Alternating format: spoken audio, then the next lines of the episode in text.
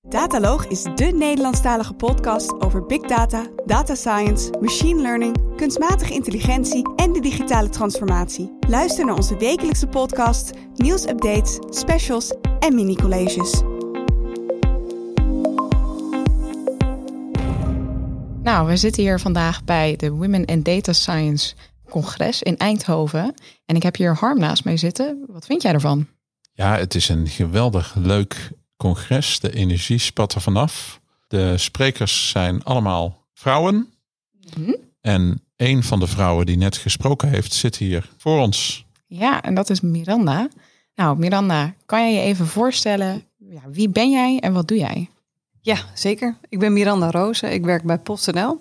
En ik ben daar Head of Data Business Enablement. En eigenlijk is dat een afdeling waarin eh, ja, een stuk of 35 data scientists zitten, uh, machine learning, operations engineers en digital consultants. Oké, gaaf. En waar heb jij net over gesproken? Waar ging jouw praatje over? Ik heb gesproken over wat PostNL doet op het gebied van data analytics. Dus welke opdrachten mijn afdeling aan werkt en wat dat PostNL brengt. En hoe belangrijk dat voor ons is als organisatie in de digitale transformatie waar we in zitten. Oké, gaaf. En kan je misschien ons vertellen wat jij ziet als het grootste succes binnen PostNL op het gebied van, van data science, wat jij hebt meegemaakt? Uh, het grootste succes is, nou, het zijn er eigenlijk best wel veel. Uh, als ik zie wat voor opdrachten wij onder andere hebben, maakt dat echt wel een groot verschil voor PostNL. Als je bedenkt dat wij als bedrijf per dag een miljoen pakjes bezorgen, maar ook 8 miljoen brieven, is het heel belangrijk dat wij van tevoren een goede planning kunnen maken. Bijvoorbeeld zodat wij weten wat er, ons, wat er op ons afkomt, wat er op ons sorteercentra afkomt op jaarbasis, maandbasis, weekbasis, dagbasis. Tot aan wat de postbezorger dagelijks in zijn tas heeft zitten, zeg maar. Uh, zodat wij zo efficiënt mogelijk de capaciteit erop af kunnen stemmen, onder andere. Ja. Dat is denk ik wel heel bijzonder. PostNL, het is natuurlijk een heel oud bedrijf. Ik denk een traditioneel bedrijf, maar dit is even een aanname die ik doe. Hoe begin je binnen PostNL met zo'n digitaliseringstraject? Ik weet niet of ik het goede woord gebruik hoor, maar hoe, hoe, hoe begin je? Dat is een goede vraag. Daar zijn natuurlijk ook een hoop uh, ja, externe specialisten in betrokken geweest om ons daarbij uh, te helpen. dus enerzijds is dat investeren in je mensen en ook de kennis van je mensen.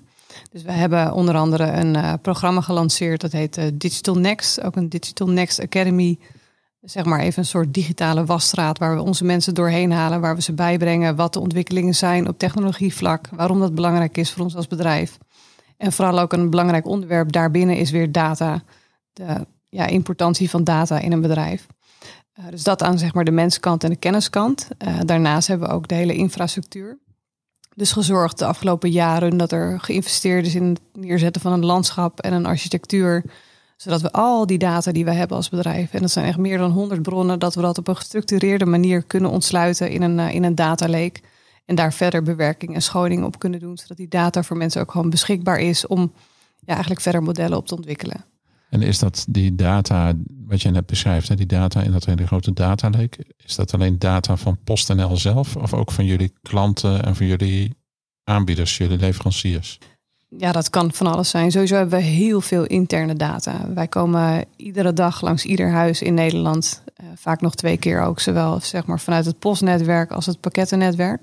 Dus we hebben heel veel interne data, ook uit, uit 100 systemen, meer dan dat eigenlijk. En daarnaast hebben we ook externe data. Ook wij kopen data in. Uh, wij werken met een hoop partners samen, dus dat is een, een mix. Kan me ook voorstellen dat die hele infrastructuur die je net al noemde, dat die enorm belangrijk is bij, bij PostNL om alles draaiende te houden. Je noemde het net al, jullie staan elke dag eigenlijk bij iedereen voor de deur om alle pakketjes en alles af te leveren. Hoe zorgen jullie ervoor dat al die modellen die bijvoorbeeld die planning overzien, dat die continu in de lucht blijven? Dat is een goede vraag. Dat, uh, dat kost ook een hoop uh, tijd en energie en, en, vooral ook heel veel kennis. Dus we hebben een landschap ontwikkeld wat ons daarbij helpt. En daar zitten iedere dag mensen op die uh, dat als vak hebben, ook om dat in de lucht te houden en te zorgen dat daar vernieuwingen op worden doorgevoerd en dat dat uh, ja, goed onderhouden blijft. En uh, je hebt de grote tech-leveranciers natuurlijk, hè, Microsoft, AWS. Hebben, hebben jullie een bepaalde keuze gemaakt daarin? Ja, wij zijn een paar jaar geleden hebben wij een, daarin een transitie gedaan, eigenlijk van Microsoft verder weg en meer naar AWS toe. Uh, om verschillende redenen. En inmiddels hebben wij een heel AWS-landschap draaien. En daarnaast gebruiken we ook nog wel enkele componenten van Microsoft en ook een aantal andere leveranciers. En wat waren die redenen? Voor zover je dat weet. Ja, ik En stel voor zover je dat mag vertellen en voor zover je natuurlijk. mag vertellen. Ook, eh, er liggen meerdere redenen aan de grondslag. Maar een belangrijke is ook, ehm, nou, ook een financieel gedreven reden onder andere. Oké. Als je kijkt naar eh, Microsoft versus AWS, is dat wel ontzettend interessant voor ons als bedrijf met alle componenten die we afnemen. Ja. Hey, en aan wat voor toepassing moet je denken? Ik zit zelf te denken aan bijvoorbeeld slimmere routering van, eh, van postbodes. Hoe de, wat de optimale route is van een postbode. Zijn, zijn dat de toepassingen waar je aan moet denken? Ook, het is eh, nou, zeg maar eh, het, het voorspellen van een stuk planning. Dus dat je efficiënter gaat werken voor eh, pakketten, voor het mailnetwerk, eh, voor ons callcenter, maar ook voor bijvoorbeeld eh fulfillment in de fulfillment centers die wij eh, hebben voor webshops bijvoorbeeld. Zodat je altijd zorgt dat je nou ja, qua personeel de juiste capaciteit inhuurt, niet te veel, niet te weinig. Het is efficiëntere routes plannen inderdaad. En daarnaast ook als je kijkt naar een stuk innovatie. Wij hebben bijvoorbeeld de automated parcel lockers, pakketkluizen, wellicht ken je die. Eh, die zijn ideaal voor mensen die eh, nou, niet de tijd hebben om naar een retaillocatie te gaan. Of omdat die dicht is tegen de tijd dat ze aankomen. Dan kan je zo'n automaat gebruiken om jouw pakje in te verzenden, maar ook in te ontvangen. Eh, we zijn daar gestart met een pilot met een aantal van die pakketkluizen. En op, toen dat interessant was, ja, dan moet er worden gekeken... oké, als we dat gaan uitrollen over heel Nederland... waar ga je die dingen dan plaatsen? Dus op basis van de data die wij hebben... waar zitten retaillocaties, wat zijn de openingstijden daarvan... waar is het druk, kunnen wij dan ook gaan bepalen... met de juiste techniek op basis van de landkaart van Nederland... wat nou de stipjes zeg maar, zijn eh, waar je die dingen zou willen hebben.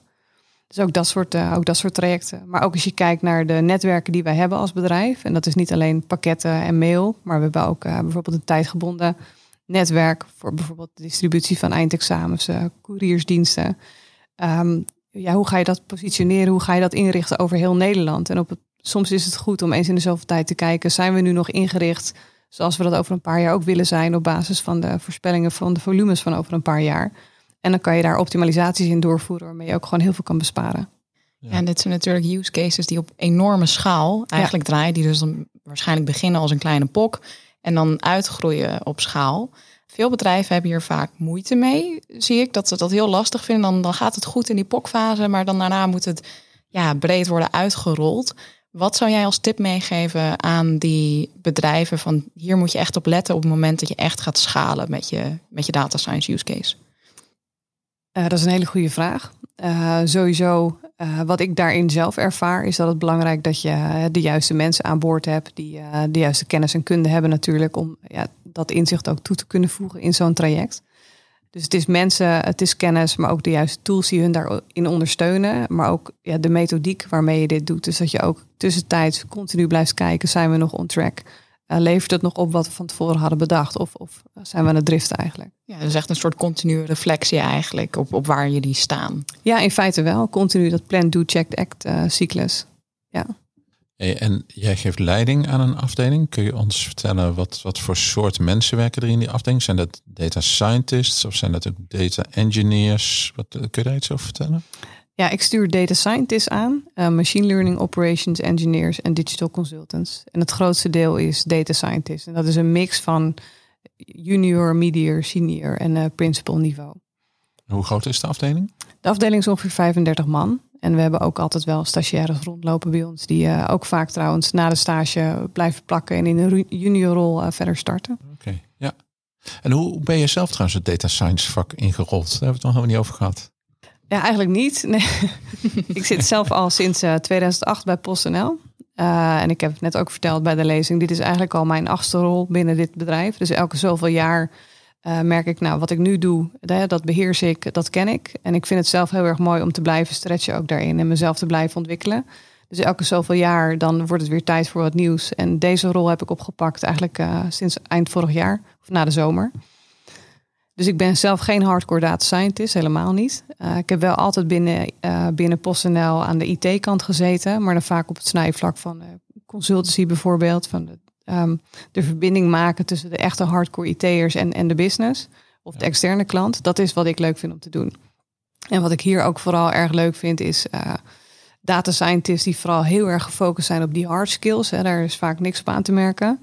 Uh, om juist te kijken wat kunnen zij op het moment dat je ook met die soft skills aan de slag gaat. Meer echt het interpersoonlijke. Uh, en daar zit vooral mijn kracht om ze ook te challengen dat stuk verder te ontwikkelen. Zodat ze veel meer halen uit die samenwerking met die business. Dat ze samen opportunity scouting gaan doen. Want in een bedrijf als dit, daar ligt heel veel potentie. Ja. Uh, en je kan inderdaad zijn, het is helemaal los laten gaan op allerlei toffe modellen. Maar wat je uiteindelijk wil, is dat het ook echt gebruikt wordt. En dat het ook echt business value heeft. En daarvoor moeten ze echt kunnen verbinden met hun omgeving. Ja, we hadden het er net al over dat soms is gewoon een heel simpel statistiekmodel al perfect voor de business case en hoeft het niet een enorm ja, neuraal netwerk te zijn. Dus, dus daar help jij ze eigenlijk ook in, dat, dat stukje begeleiding van die terugkoppeling echt naar die, die, die business case. Ja, vooral dat stuk eigenlijk. En, en hoe ga je dat gesprek aan met die business? En hoe kan die business nou weten wat voor briljante dingen jij kan maken?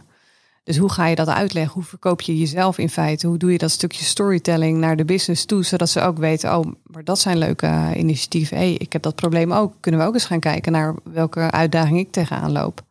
En dan zie je dat er wat moois ontstaat en dat dan de echte grote cases op tafel komen. Dat is eigenlijk de rol wat ze tegenwoordig wel noemen business analytics translator. Ik weet niet of jullie die term gebruiken binnen ehm, PostNL. Nee, nee, we hebben wel een tijdje data translator als rol gehad, inderdaad. En die, daar zat ook een stukje hiervan in. Uh, maar, maar die hebben we inmiddels uh, ja, eruit gehaald. En verwacht gewoon van de mensen zelf nu dat ze zich ontwikkelen hè, qua soft skills om ook op andere mensen af te kunnen stappen en ook inzien waarom dat belangrijk is. Ja, oké. Hey, en dan het thema van vandaag, want we zitten op Women in Data Science. Heb jij een uh, advies aan jonge meiden in Nederland. Waarom moeten ze de richting van data science kiezen? Of niet, natuurlijk. Um, nou ja, als je het kan, zeker doen. Uh, ik heb zelf nooit tijdens een studie die keus gemaakt. Uh, sterker nog, ik weet niet eens of het toen eigenlijk al, al was. Maar als je kijkt naar de toekomst, ik denk dat het een enabler is van ontzettend veel mooie dingen. Uh, en, en als ik ook zie de war on talent die gaande is extern, hoeveel moeite het ons ook kost om de juiste mensen aan boord te krijgen, natuurlijk ook aan boord te houden. Want je moet ze ook blijven ontwikkelen en blij blijven houden. Uh, denk ik dat dat gewoon een hele mooie richting is waar heel veel toekomst ligt. Als je nu kijkt naar de markt en alle vacatures, het is echt bizar. Er wordt zoveel gezocht naar goede mensen. Dus volgens mij, als je ook een stukje baanzekerheid wil hebben en ook in een vakgebied terecht wil komen wat continu zichzelf ontwikkelt, ja, dan is dit wel echt een hele mooie hoek om in te zitten. En daarmee kun je ook echt het verschil maken.